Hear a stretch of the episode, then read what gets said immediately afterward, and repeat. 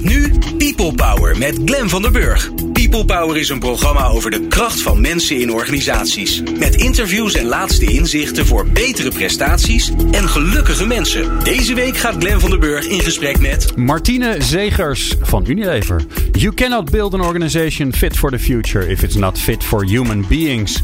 Bij People Power geloven we in deze gevleugelde uitspraak van professor Gary Hamel, waarin hij de toekomstbestendigheid van organisaties verbindt aan de mate waarin de organisatie staat is om het beste uit mensen te halen. Of eigenlijk het beste in mensen boven te halen, want dat moet er niet uit.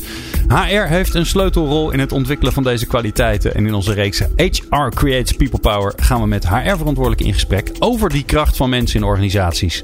Wat is hun visie op innovatie, ondernemerschap en continu verbeteren? Wat is de kracht van mensen en wat ook hun zwakte? Ja, we hebben al behoorlijk wat organisaties gehad. Eh, BASF, uh, eh, Catharina Ziekenhuis, Capgemini, Achmea. Nou, nog vele andere. En vandaag hebben we Martine Zegers van Unilever te gast. Jeroen Buescher verzorgt de column. Die is weer terug van vakantie. Daar gaat ook een beetje de column over volgens mij. En wil je nou meer afleveringen luisteren van HR Creates People Power? Wil je jouw vakgenoten horen? Of wil je zelf in de uitzending komen als HR-verantwoordelijke? Ga dan naar peoplepower.radio en klik op de radioreeks. En dan kun je ze allemaal beluisteren. En natuurlijk zijn we ook te beluisteren via eh, Spotify. Zoek dan even op de People Power podcast. Fijn dat je luistert naar People Power. People Power met Glen van den Burg. Martine Zegers is uh, te gast. Vice President HR bij Unilever Benelux. Dat klopt. Wat leuk dat je er bent. Dankjewel. Martine. Ja, Unilever. Ik, uh, uh, toen ik op school zat, vroeger. Ja. Toen, ehm, als je nou ergens wilde werken en je deed iets met marketing, dan was dat wel Unilever. Dat klopt. Ja, dat is gelukkig nog steeds dat is nog steeds zo, hè? Ja, dat is wel knap dat jullie dat voor elkaar hebben gekregen in deze tijd van start-ups en nou ja, alle concurrentie die zeg maar uh, grote corporates tegenwoordig hebben. Die nou ja, vroeger, en vroeger is echt lang geleden, want ik word bijna 48, uh, eh, die jullie hadden. Um, ja, jij bent verantwoordelijk voor HR. Ik begin eigenlijk met alle HR-verantwoordelijken altijd bij dezelfde vraag. Mm -hmm. Wat is jullie grootste business uitdaging als Unilever? Nou, jullie zijn een een beetje een grote organisatie. Dus dat, ik snap dat dat een lastige vraag kan zijn. Ja, nee, het zijn er inderdaad wel eh, meer dan één. Um, maakt het werk natuurlijk ook leuk dat het heel complex is. Ik denk even de grootste business uitdagingen is uh, dat, die, uh, dat de markt waarin wij zitten natuurlijk heel snel verandert. Consumenten maken heel snel andere keuzes uh, qua producten, wat je wil eten, hoe je je persoonlijke verzorging wil doen, je huishouden wil runnen. Um, en je ziet ook dat ze in andere kanalen gaan uh, boodschappen doen. En niet alleen maar bij de, de vaste supermarkt om de hoek, maar natuurlijk ook via allerlei e-commerce kanalen. Dus waar vroeger de wereld voor ons nog redelijk overzichtelijk was, dat je een aantal grote spelers in deze markt had, de Proctors, de Kraft Heinz, de Unilevers, et cetera, zie je dat er nu heel veel kleine niche-spelers zijn, die oftewel bij jou in de straat een klein zaakje beginnen, wat heel erg on-trend is, of met vele kleinere productproposities bij de grote supers op de, op de plan komen, of bij de, de, de, de e-commerce players. Dus je ziet dat we dat, dat, dat hele grote slagschip van Unilever veel meer snelheid uh, moet creëren, veel meer wendbaarheid, veel meer creativiteit moet laten zien. Zou je kunnen zeggen dat consumenten ook door de, uh, de, boodschappen die ze kopen willen laten zien dat ze, wat hun identiteit is? Ja, wordt steeds belangrijker. Dus je ziet, we hebben gelukkig met Unilever de afgelopen tien jaar al het hele sustainability plan. Uh, maar we geloven heel erg dat dat nog veel relevanter wordt dan het de afgelopen tien jaar is geweest. Dus welke rol heb je als merk uh, in, de, in de samenleving bijna? En uh, welke impact heb je op het milieu? Dat zijn dingen die, die, die zijn al belangrijk. Maar wij geloven er wel heel erg in dat dat, dat veel meer gaat leiden tot keuzes voor consumenten. heb je nou een voorbeeld van, van iets wat jullie aan je, je productportfolio hebben toegevoegd, waarvan je zegt van nou weet je, dit, dit laat nou zien ja, dat we die andere kant op gaan. En dat het niet alleen maar, of niet alleen maar, dat het, dat het veel minder de, ja, de bulk en alleen maar de grote merken is. Ja. Uh, ja, dus we hebben, kijk, een van de, de voorbeelden waar we heel erg, uh, die brand purpose, zoals we dat uh, noemen, uh, jarenlang geleden hebben we uh, natuurlijk Ben Jerry's uh, gekocht. Dat is nog steeds een merk waar iedereen van snapt. Waar staat dat nou voor? Social justice is waar zij voor vechten. en dat kan rangen van de Black Lives Matter beweging tot de homohuwelijk. Tot, hè, zij gaan daar echt voor staan. en dat is een, merk wat we jaren geleden gekocht hebben. Meer recent hebben we natuurlijk in december de vegetarische slager in, in Nederland gekocht. Waarin we ook wel heel erg willen laten zien dat wij denken dat vegetarisch een hele belangrijke trend is en nog veel groter gaat worden. De grootste slager ter wereld worden. Ik heb hem ooit geïnterviewd. Ja, ja, het is een fantastische man. Een fantastische man en een fantastisch merk en een prachtig bedrijf. Dus uh, wij zijn daar heel erg blij mee dat we dat uh, hebben, hebben mogen kopen. En we werken nu heel intensief met de mensen van de slager om te kijken: oké, hoe gaan we nou ervoor zorgen dat we samen de grootste worden? Ja. ja. Wauw. Um, ja, even naar jouw vakgebied. Ja. Uh, wat betekent dat dan voor jou, voor jouw agenda, voor jouw top drie dingen waar je aan moet werken? Ja, nou ja, dat, betekent um, op die eerste twee onderwerpen dat je eigenlijk een organisatie moet gaan creëren die, uh, die veel wendbaarder is en veel sneller. En de agile is natuurlijk de, een veelgehoorde slash platgeslagen term inmiddels. Maar ik geloof er wel heel erg in dat je een organisatie dus moet gaan creëren die die agility heeft. Um, dus dat is een van de duidelijke speerpunten. De tweede gaat echt over die digitale transformatie waar vroeger uh, maakten wij spotjes voor op de televisie. En dat zonden we dan uit na het acht uur journaal. En als we dat een paar keer herhaalden, dan had heel Nederland gezien dat wij een nieuwe innovatie hadden. Ja, dat is natuurlijk niet meer zo. Weet je, niemand uh, uh, kijkt nog een hele avond lang achter elkaar gewoon NPO 1. Dat gebeurt gewoon niet meer. Sterker nog, als je het wel doet, dan denk je, jeetje mina, ik weet wel waarom ik het niet doe. ja, precies. Dus hè, die digitale transformatie is eigenlijk een tweede speerpunt. Uh, en een derde is uh, ja, zo'n zo'n acquisitie als de vegetarische slager is natuurlijk wel iets waar je ook vanuit een HR-perspectief heel erg over moet nadenken. Over hoe, hoe gaan we dat nou goed doen? Ja, en, hoe, ja, en, en wat is dan de uitdaging daarbij? Want ik, ik kan me voorstellen dat je daar een soort van strategie voor hebt. Van wel integreren, niet integreren, uh, helemaal apart houden, juist uh, helemaal naar binnen. Ja, dat zijn natuurlijk allemaal dilemma's die ja, je hebt. dat zijn de dilemma's. En dat is bij een acquisitie natuurlijk uh, toch elke keer anders. Want elke, elke acquisitie is anders. en je wil um, zeker dat je de schaalgrootte van het grote Unilever gaat gebruiken. Maar je wil wel identiteit van in dit geval de slager goed houden. Nou, het is best wel een, uh, een balancing act waar we ook heel veel in overleg met de slager, eigenlijk alleen maar in overleg met de mensen van de slager, ja, kijken wat is nou een model uh, uh, waar we de komende jaren mee vooruit kunnen. Het is natuurlijk een fantastisch vraagstuk vanuit het HR-perspectief ook. Ja. Hoe, zou je nou jouw rol als, als HR uh, typeren? Wat, wat voor soort HR-afdeling ben je? Ehm, ja, hoe typeer je dat? Ja, ik, ik zie, wat ik het allerleukste aan HR vind, is dat je, ik voel me vrij om me overal mee te bemoeien. Um, dus je, ik probeer heel erg mijn vak uit te oefenen door te kijken van naar die totale organisatie.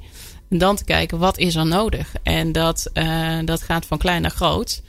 Um, hè, dus dat gaat over, nou, hoe krijgen we die, die, die agility er meer in? Hè? Welke werkvormen ga je dan doen? Dat gaat er ook over wat voor soort leiderschapsteam uh, hebben we zitten.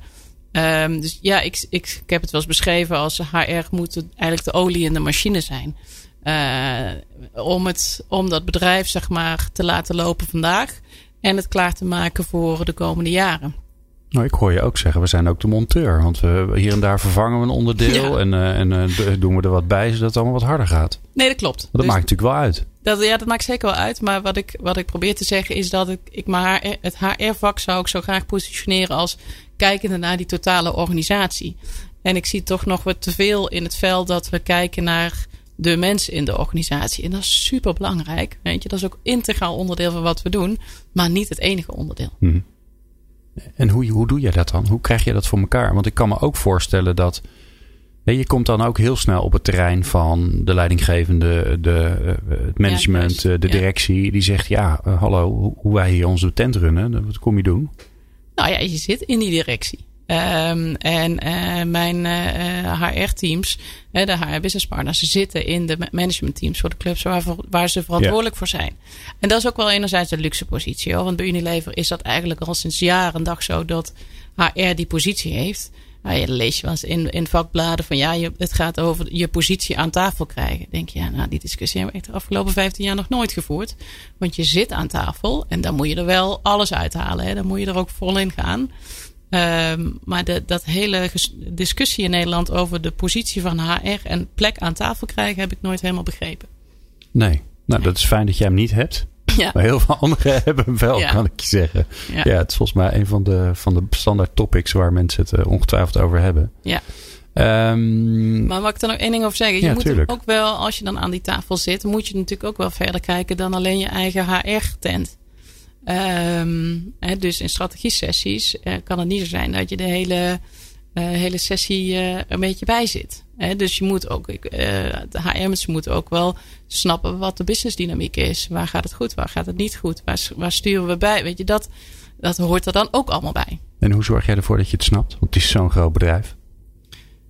Ja, het is groot, maar het is, uh, het is, we bouwen geen raketten. Hè? Dus het is in die zin uh, verkopen soep en worst, zeg ik heel vaak tegen mijn team. Ja, ja, ah, ja maar dat komt wel overal, hè, de ingrediënten. En alles komt overal ter wereld, komt het vandaan. En je moet weten waar het vandaan komt. Dat het, ik bedoel, dat is logistiek natuurlijk Nee, het, het, het is een hele complexe operatie. Maar je, je kan eigenlijk. Kijk, het leuke aan Unilever is dat het heel herkenbaar is. Want je, die producten die gebruik je zelf, die koop je zelf. Je ziet ze in de supermarkt staan. Dus in die zin um, uh, is, het, is dat best wel goed uh, te overzien. En, uh, maar goed, in je, in je, eigen ontwikkeling. Ik heb een paar jaar geleden een week lang finance for non-financials gedaan. ergens in Londen. Nou, echt na de ochtend dacht ik al, ik lig eraf. Eh, echt, echt hard staf. Maar het is wel goed, weet je. Die, die PNL moet je kunnen lezen. Je moet snappen wat de shareholders, uh, hoe die naar een bedrijf kijken. Ja, dat is wel allemaal part of the, part of the deal. Als je dit wil. Als je dit wil. Ja, Als je het over het hele bedrijf wil hebben en hoe het in elkaar zit en hoe de organisatie werkt en hoe je dat wendbaar krijgt. Ja.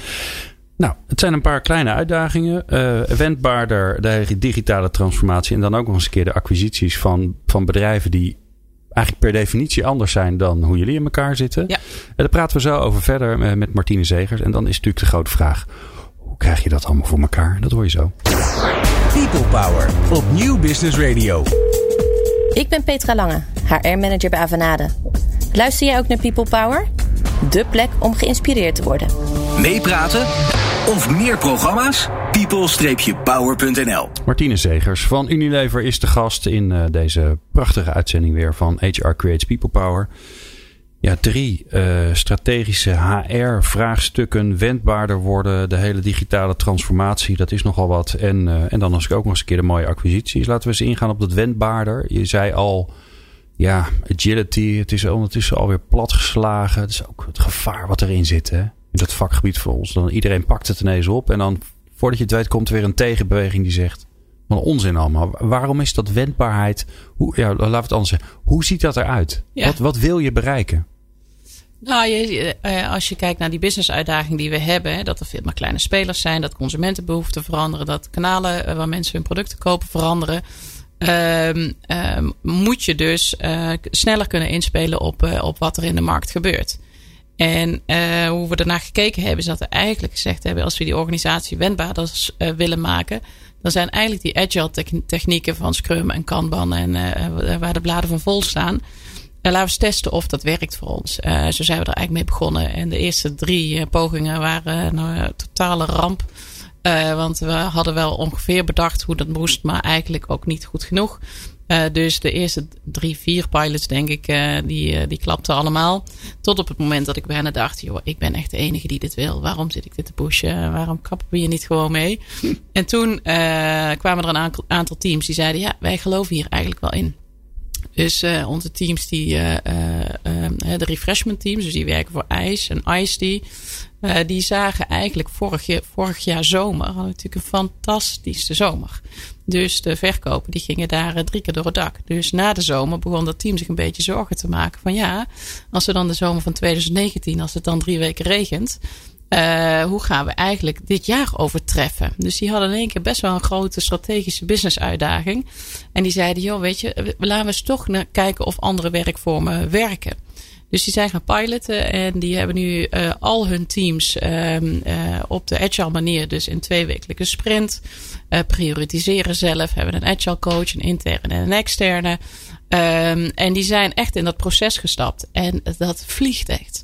Um, dus zijn... En, en wat, wat, maken ze dan met elkaar? Want we kennen het natuurlijk, nou ja, de meeste verhalen die gaan tegenwoordig over de banken die Waar de marketeers en de, uh, en, de, en, de, en de software engineers bij elkaar zitten. En die maken weer nieuwe dingen voor de website. Ja. Wat maken ze bij jullie?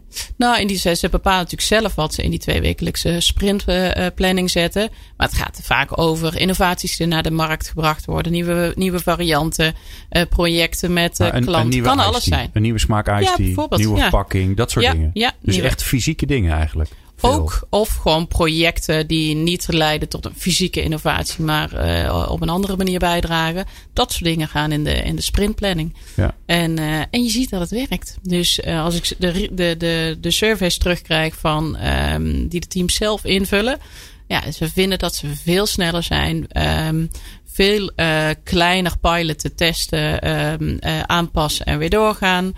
Uh, team effectiveness gaat omhoog. Werkdruk gaat enorm omlaag. Um, oh, wow. Dus dat vond ik echt wel een coole uitkomst. Nee, want je hoort ook nog wel eens dat uh, de mensen heel enthousiast over agile zijn. Ja. Maar dat ze wel zeggen, jeetje, het gaat maar door joh. Het is elke keer twee, wat het heet niet voor niks sprints. We zijn alleen maar aan het sprinten. He, ja. Dat die werkdruk juist, uh, dat, dat het inderdaad effectiever en ja. leuker, dat het allemaal zo is. Ja. Maar dat het wel achter elkaar sprinten is. Maar dat... Ja, dat klopt. Dus het is niet dat, er, uh, dat je minder hard gaat werken. Maar wat ik veel terug hoor, is dat het, uh, omdat je zo duidelijk bent in wat ga ik in deze sprint doen en wat zijn de prioriteiten, um, dat, dat je ook dus een aantal dingen, daar hoef je dus niet over na te denken. En in de oude wereld uh, had je 25 projecten in het jaar, ik zeg maar even wat. Hmm. En die liepen bijna allemaal een soort van parallel. En dan moest je denken, oh, ik moet dat nog en ik moet dat nog en ik moet dat nog. En ik heb nog een volle inbox met honderd e-mails. En in die agile technieken, ja, moet dat nog allemaal. Maar weet je, ja, maar het staat voor de volgende sprint gepland. Uh, dus het creëert mentale uh, rust. Uh, en het creëert veel minder e-mail. En dat is bij ons ook echt wel een ding wat heel veel druk creëert.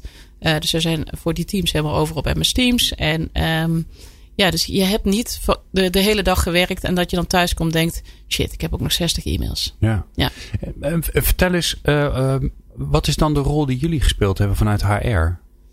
Ja, wij hebben dat, dat, samen met die uh, business leaders uh, opgezet. Dus uh, in eerste instantie hebben we vanuit de HR gezegd, zagen we een aantal best practices intern en extern en die hebben we zo langzaam naar binnen gevaren bij die teams en gezegd: hey, kijk, dat zijn ze daar aan doen, dat zijn ze daar aan doen. Vind je dat interessant om een soort van te proeven of er appetite voor was? Wie, wie vind jij een voorbeeld? Waar kijk jij nou, naar? IEG is natuurlijk een veelgebruikt voorbeeld in Nederland. Ja. We hadden intern een paar teams uh, uh, op het uh, Europese hoofdkantoor in Rotterdam die leuke dingen aan het doen waren. Dus, en die schuif je dan zo eens langzaam naar binnen.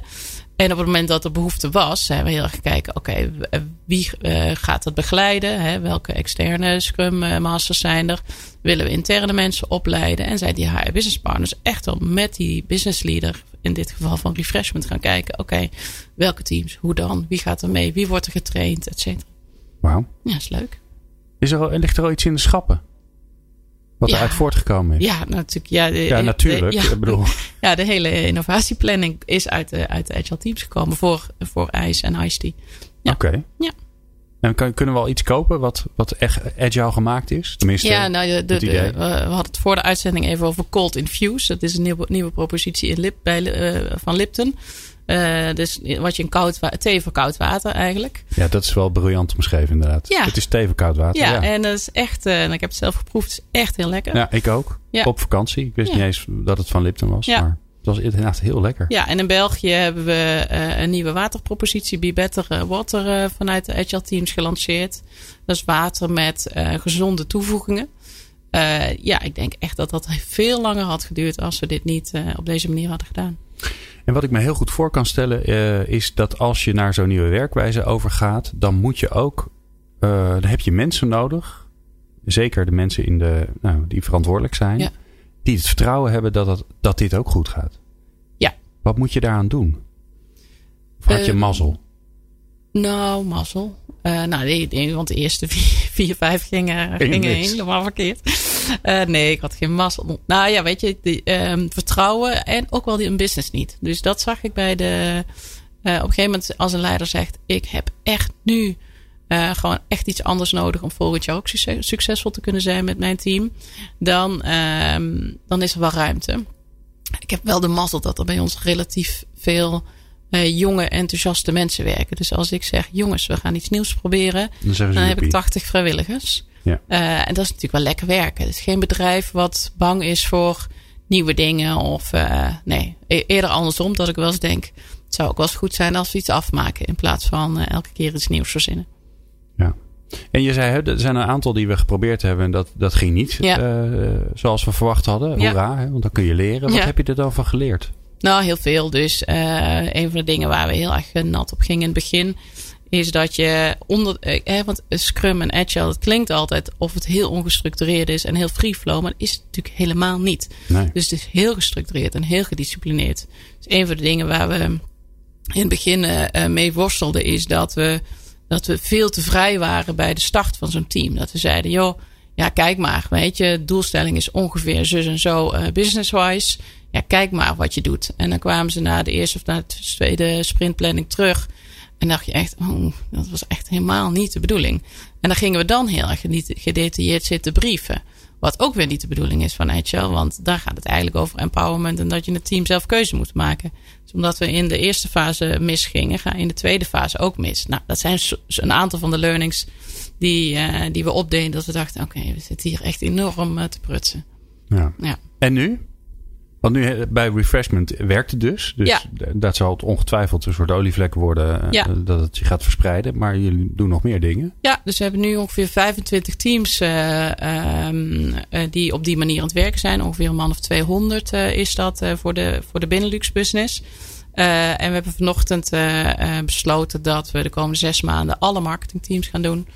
Uh, en dat we dan langzaamaan ook gaan kijken, oké, weet je, hoe sluit je nou sales, supply chain, hoe sluit je nou andere functies aan, waar kan het wel, waar kan het niet.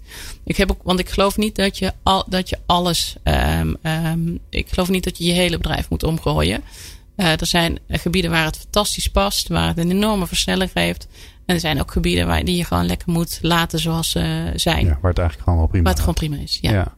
Maar het zijn wel, het zijn natuurlijk multidisciplinaire teams, bijna per definitie. Ja. Ik wil niet zeggen dat iedereen erin moet zitten, maar de, de marketing apart of, uh, of uh, IT apart of uh, finance apart, dat, dat doen ze eigenlijk niet meer.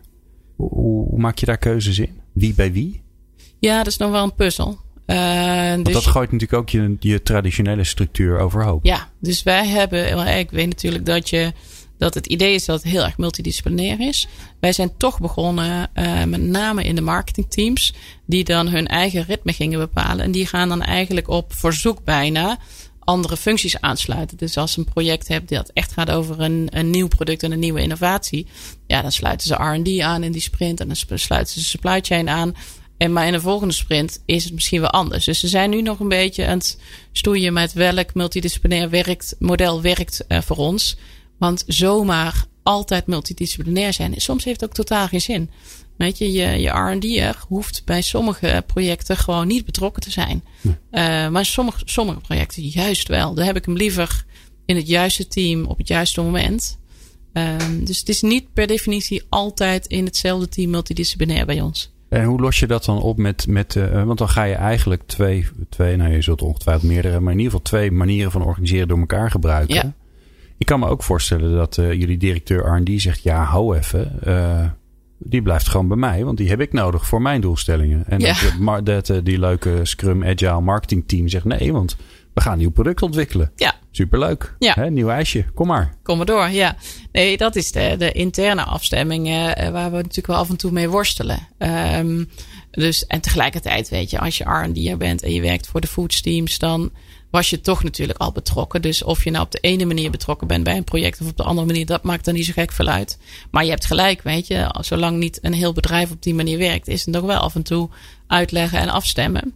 Um, maar ja, dat is, dat is ook een beetje de lol van het HR-vak, toch? Ja. Dat het een beetje olie in de machine is. Ja, Ja. weet je, de regisseur. Ja. En jij, je zei net, hè, vanochtend hebben we besloten dat we, het, eh, hè, dat we heel marketing gaan doen. Ja. Eh, Wie is we dan? Waar, waar, met wie zit je dan bij elkaar om dat te besluiten? Vanochtend was dat in de directie, in de Benelux-directie. Oké. Ja. Dus we hadden een voorstel uitgewerkt en gezegd, nou, weet je, we zijn nu met een 25 teams live, een man of 200, what's next?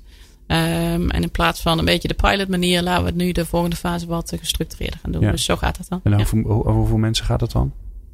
Hoeveel we er nog willen aansluiten? Nou ja, die, wat je, wat je, de volgende stap eigenlijk die je nu zet Dat met de marketeers. Nee, dus Nee. we moeten nu eigenlijk gewoon nog kijken hoeveel teams zijn dat.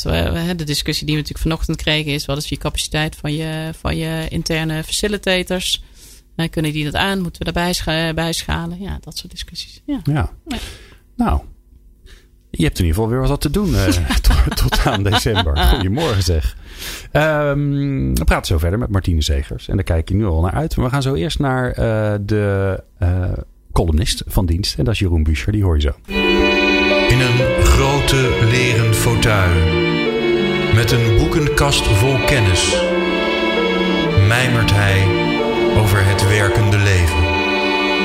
Hier is Buschers bespiegeling. Hij is adviseur. Hij is boekenschrijver, managementboeken. Een hele zwik ondertussen weer. Een halve boekenkast vol. Hij is strateeg. Hij houdt zich bezig met, met gedrag in organisaties. En hij is mijn collega presentator bij People Power. En is ook nog eens een keer columnist bij People Power. Het is Jeroen Buscher. Hey, Dag, Glenn. Jeroen. Glenn. Hoe was je zomer? Was je maar zo bescheiden over jezelf als dat je over mij was. Hè? Dat zou toch. Uh, dat zou, uh, ja, ik had een fantastische zomer, uh, Glenn. Ik ben naar Japan geweest en kom helemaal geïnspireerd terug. Oh, wauw. Ja. Nou, daar kunnen we ongetwijfeld uren over praten. Zeker, ander keertje. Ja, ja, gaan we niet doen. Ik, ja, ja, heb je er een beetje zin in? in ja, nou, weer werken. Ja, nou ja, dat, dat is ook mijn, mijn eerste column voor dit seizoen. Uh, gaat er ook eigenlijk over. Want ik uh, heb een uh, bijzondere maatschappij meer, meegemaakt. En dat inspireert me eigenlijk tot weer een, een nieuwe aanpak van hoe ik wil gaan werken. En daar wil ik mijn eerste column graag over houden. Oh, wauw. Nou, ik ben super benieuwd. Oké, okay, Beginnen? Ja. Ik zag op televisie een korte documentaire van het land wat ik deze zomer bezocht heb, Japan. Het ging over een man die thee maakte.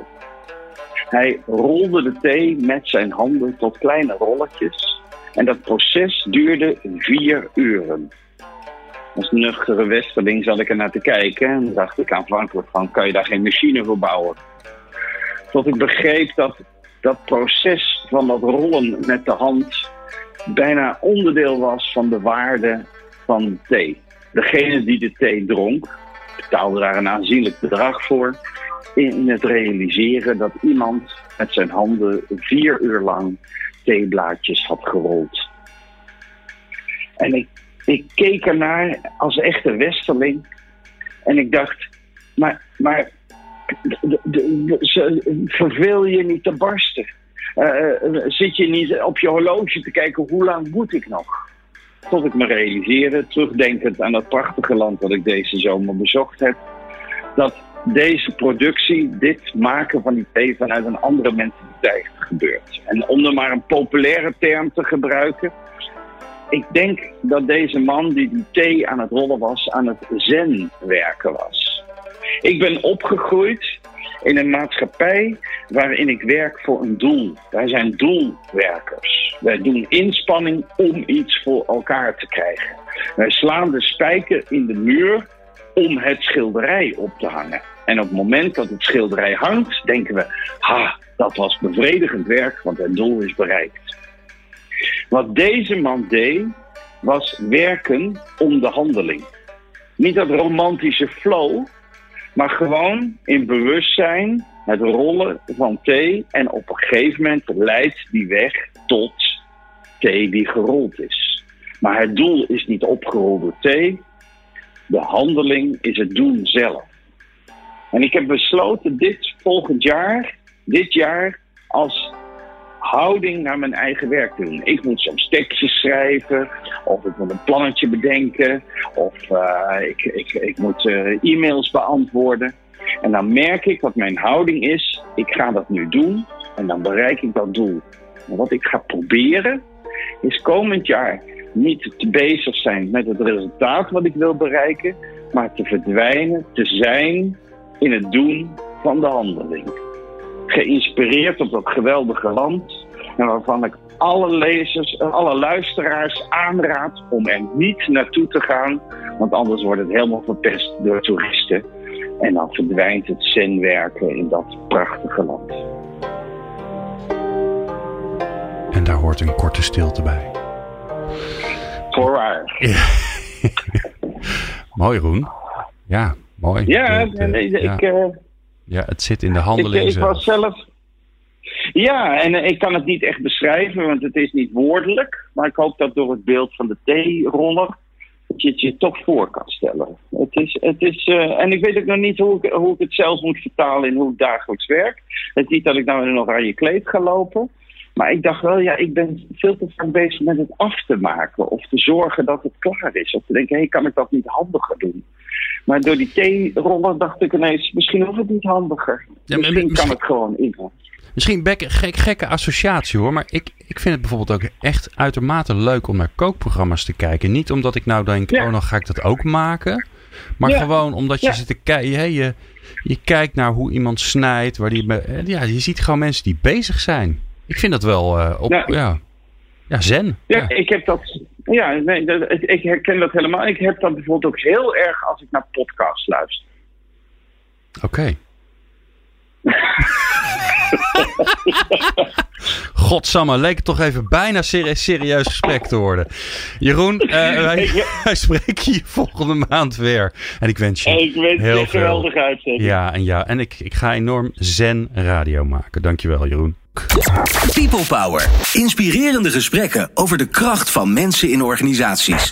Met Glen van der Burg. Martine Zegers, eh, Vice President HR van eh, eh, Uni- Unilever Benelux. Ja, dat, dat staat achter elkaar. Of is het van Unilever in de Benelux? Oh, Nou, het maakt allemaal, allemaal niet zo wat heel je veel wil. uit, hè, Martine? Nee.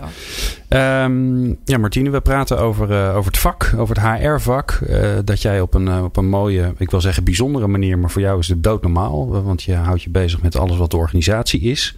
Ehm, ja, een van de dingen die even tussen neus en lip een beetje in je verhaal langskwam was dat je had het over purpose brands. Nou is dat natuurlijk weer een, ja, weer zo'n aan, het volgende ja. woord wat Ja. platgetreden gaat worden naar Ja. agility. Maar ja, maar ook hiervoor geldt, het is wel natuurlijk een ongelooflijk belangrijk woord. Wat is een purpose brand? Leg dat eens uit aan ons. Nou ja, oh ja als, je, als je purpose vertaalt, gaat het natuurlijk over zingeving. Eh, en dat kan je eigenlijk, we hebben dat op, op een aantal niveaus eh, proberen te vertalen in de organisatie. Eh, dus op Unilever wereldwijd niveau. Hè, wat is eigenlijk de bijdrage die. Hè, waarom bestaat Unilever? Hè, is eigenlijk de vraag die we onszelf gesteld hebben. Wat is nou de bijdrage die wij leveren ehm, eh, op deze wereld? Ehm, dus daar is- is het ooit begonnen. Vervolgens hebben we datzelfde proces doorgelopen voor de Benelux. Wat is nou, wat willen wij in de Benelux? Waar staan wij nou voor als bedrijf? Eh, en vervolgens kan je dat dus ook naar merken eh, doorvertalen. Eh, en naar individuele medewerkers. En dat is wel interessant, want daar gaat eigenlijk wat we met de merken doen, doen we ook met onze mensen en andersom. Ehm, dus we hebben daar best wel een groot. eh, Met ding- iedereen? Ja, Oké. ja, dus wat we op eh, voor mensen hebben gedaan, is dat we eigenlijk gezegd hebben: joh, we willen je graag. Wij geloven erin dat als je een duidelijke purpose hebt, hè, als je duidelijk weet waar, waar je voor wil gaan in het leven en wat voor jou belangrijk is en wat jouw waarden zijn, et cetera. Eh, wij geloven als je dat hebt, dat het je enorm gaat helpen de, eh, in je ontwikkeling en de komende jaren. Eh, omdat je ziet dat die wereld om ons heen verandert zo ontzettend snel. Dat als je zelf weet waar je naartoe gaat, dat geeft dan in ieder geval een hele hoop richting. Ook als dat bedrijf dan drie keer van koers verandert, dan heb je in ieder geval zelf scherp wat je wil en wie je bent. Dus we hebben gezegd, we vinden dat zo belangrijk, we gaan dat voor iedereen doen. Dus we hebben workshops ontwikkeld. Eh, samen met de Authentic Leadership Institute, die veel van ons leiderschapsprogramma's eh, mee ontworpen hebben in het verleden. En eh dat is een eendaagse workshop waarin we mensen helpen om die purpose scherp te krijgen. Nou, ik dacht in het begin, dat kan nooit in een dag. Wat een Dat is onzin. wel knap, ja. Ja, maar uh, we hebben nou een keer of uh, 6, 7, 800 mensen denk ik wel door die workshops gehad nu. Nou, en bijna, uh, bijna iedereen komt die dag naar buiten met best wel een, een goede, goede richting. Goede richting. En dat is misschien nog niet helemaal 100% af, maar dan is 80, 90% is er wel. Um, dus dat hebben we met, met, uh, met de medewerkers gedaan. Uh, dat kun je ook naar teams doortrekken. Hè. Deel, deel je purposes met elkaar. Wat zegt dit over dit team?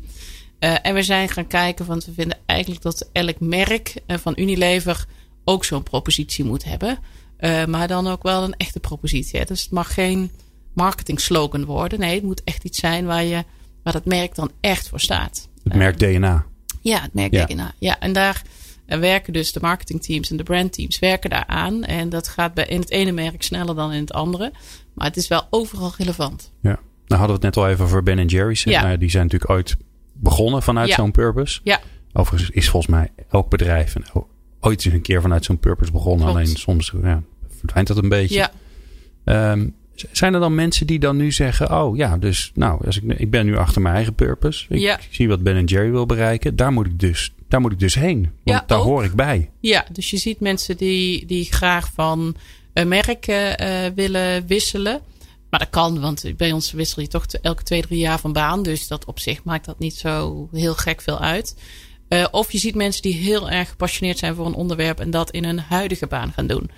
Dus we hebben op het gebied van eh, het reduceren van plastic bijvoorbeeld. hebben we eh, met Lipton heel veel gewerkt om alle festivals ehm, eh, recyclebare plastic te krijgen. Dan kunnen we ijsjes op de markt brengen eh, in een doosje zonder het plasticje eromheen. Weet je, zo zijn er heel veel eh, ook kleinere innovaties. eh, waar mensen heel enthousiast van worden. Die zeggen, ja, dit is echt wat ik wil doen. En dat dan in hun eigen baan gaan doen. Dus je ziet, het is niet zo dat na, na de workshops drie kwart van baan wilde veranderen of van baan opzij. Nee, eigenlijk niet. Nee, maar sterker nog, ik, ik denk dat het, hè, als het je lukt om daar een match tussen te maken. Ja, Ja, dan heb je natuurlijk, eh, hè, dan hoef je verder niks te veranderen. En dan heb je toch, eh, nou ja, Ja. hè, reken het maar uit, procenten eh, prestatie en gelukswinsten Ja, georganiseerd klopt. volgens mij. ja klopt. En doen jullie dat dan ook? Of, of is dat iets waarvan je zegt van nou, dat, dat gaat gewoon organisch, daar hoeven we niet naar te kijken? Dat matchen bedoel je? Ja, Ja, nee, dat gaat redelijk organisch. Tot nu toe hebben we daar geen grootschalige dingen voor georganiseerd. En tuurlijk, weet je, het staat je altijd vrij om met je lijnmanager of met HR het gesprek aan te gaan van joh, ik ben toe aan mijn volgende stap en ik zit in die en die richting te denken. Ja, dat kan altijd. ja. Maar het is niet, het is niet dat dat nou significant anders was. Je ziet eigenlijk mensen best wel hun, hun ding kwijt kunnen in de baan die ze doen. Eh, En wat vonden de collega's daarvan? Van die workshops? Ja. Ja, dat was fantastisch. Dus ik dacht in het begin, nou, dat wordt natuurlijk sleuren. eh, om dat eh, gevuld te krijgen. Maar we konden, we konden wij, eh, eigenlijk elke keer als we de workshop weer openzetten, was die meteen weer vol. En dan moesten we weer een nieuwe en een nieuwe. En nog steeds, want dan krijg je natuurlijk ook wat nieuwe collega's. Mensen wisselen. Mensen komen internationaal weer terug naar binnen. En ja, elke keer als we hem doen, is die vol en overboekt. Dus we gaan dit, blijven dit gewoon doen. Oké. Dus de, want ik kan me ook voorstellen dat eh, als je naar luistert en je denkt, je kijkt naar je eigen organisatie, je denkt, ja, jeetje, miniman. Zit, A, zit iedereen op te, wachten? Want het is best wel confronterend hè, om na te denken over, ja, waarom, waarom ben ik hier eigenlijk? Dat is een lastige vraag. De vraag is of iedereen daar maar zin in Het is heeft. vrijwillig, hè? Dus ik, voor, ik dwing helemaal niemand. Eh, dat, als, je, als je dit verplicht gaat stellen, ben je inderdaad echt de verkeerde dingen aan het doen. Ja. Eh, nee, dus we dwingen helemaal niemand. Ehm, eh, maar ja, ja, het is, ja, ik weet niet. Eh, mensen vinden het ook wel mooi om even een dag stil te staan. En te denken, oké, wat ben ik nou eigenlijk allemaal aan het doen? Eh, en hoe eh, past dit in het grotere plaatje dat ik eigenlijk voor mezelf heb? Dus het is niet, het is niet eens zozeer heel... Het is niet zwaar en pijnlijk en moeilijk hoor. Het is ook heel leuk. Ja, nee, Ja. Ik, ik kan het iedereen aanraden. ja, ik heb het zelf niet gedaan, maar het, het helpt. Nou ja, wat ik wel grappig is, ik heb ooit, eh, wat is het ondertussen, vijf jaar geleden? Ja. Oh, nee, nog langer zelfs. Een boekje geschreven en, eh, en dat een van de onderwerpen gaat er ook over. Ja, het is toch wel ongelooflijk handig als je een beetje het idee hebt waar je Ja. van wil zijn. Ja.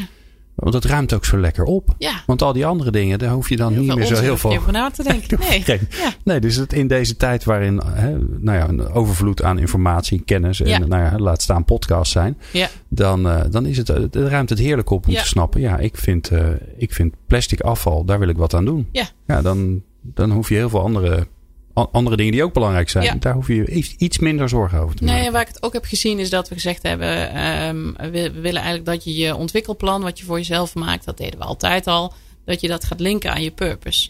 En, eh, en dat is ook wel weer een mooie slag, want vaak waren de oude ontwikkelplannen een beetje: ik wil over vijf jaar die specifieke baan. Eh, maar ja, voor vijf jaar bestaat die baan al helemaal niet meer. Dus dat was altijd een soort van gedoe. Want ja, weet je, dat de, de, het bedrijf verandert zo snel dat, dat die ontwikkelplannen dan niet goed eh, uit, uit de verf kwamen. En nu zie je mensen die zeggen: joh, dit is mijn purpose. Dus deze kant moet het ongeveer op. Dit zijn dus de dingen die ik gaaf vind. En dan geeft het een soort van globale richting. eh, en globale ontwikkeldoelstellingen. En dat, dat is veel relaxter en losser en ook veel realistischer dan zeggen: ik wil over vijf jaar die en die job hebben. Ja. Als je nou naar de toekomst kijkt, Ja.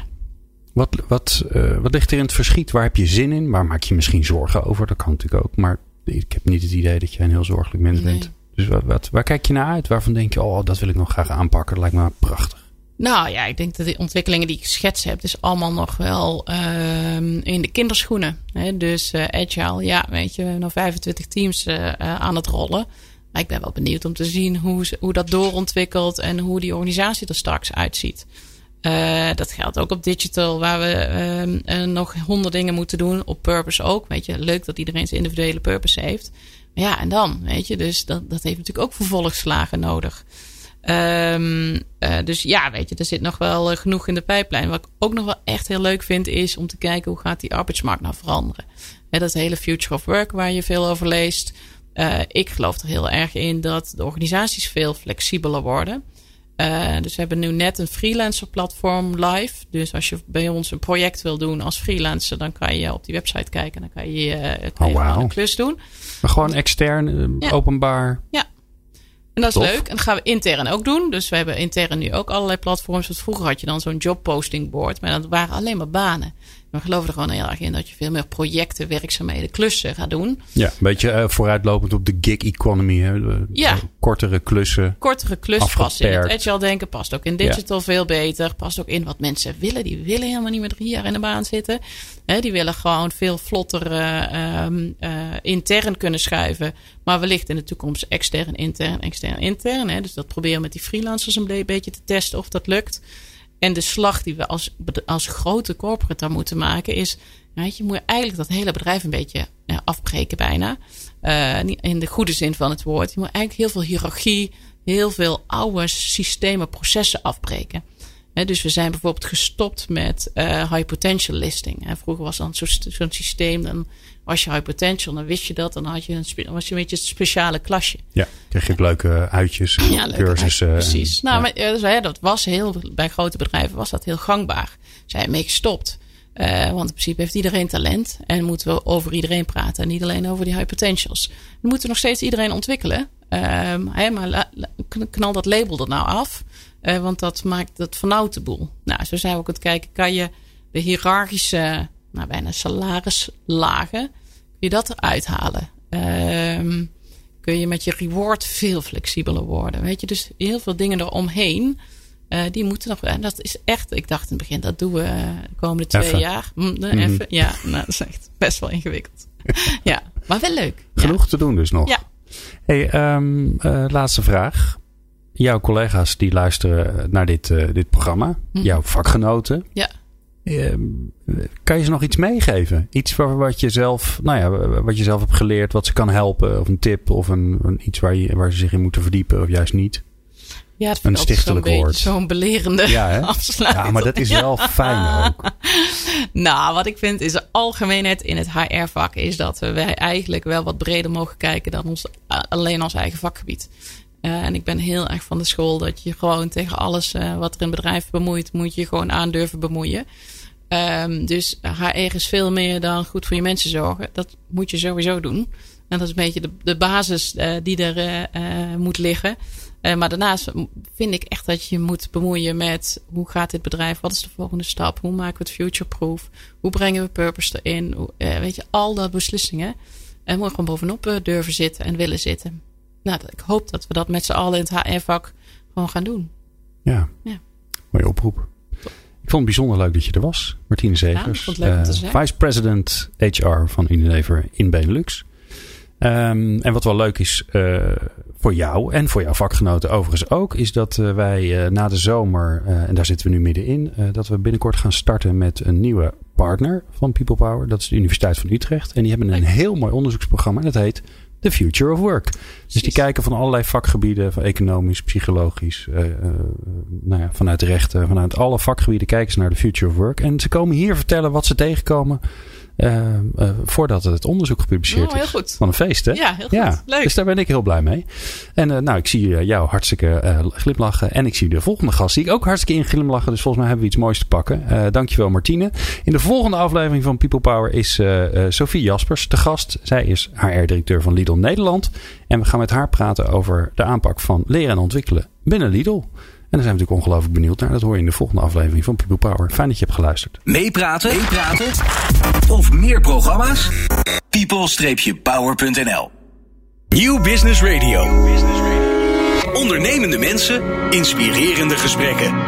Let's talk business.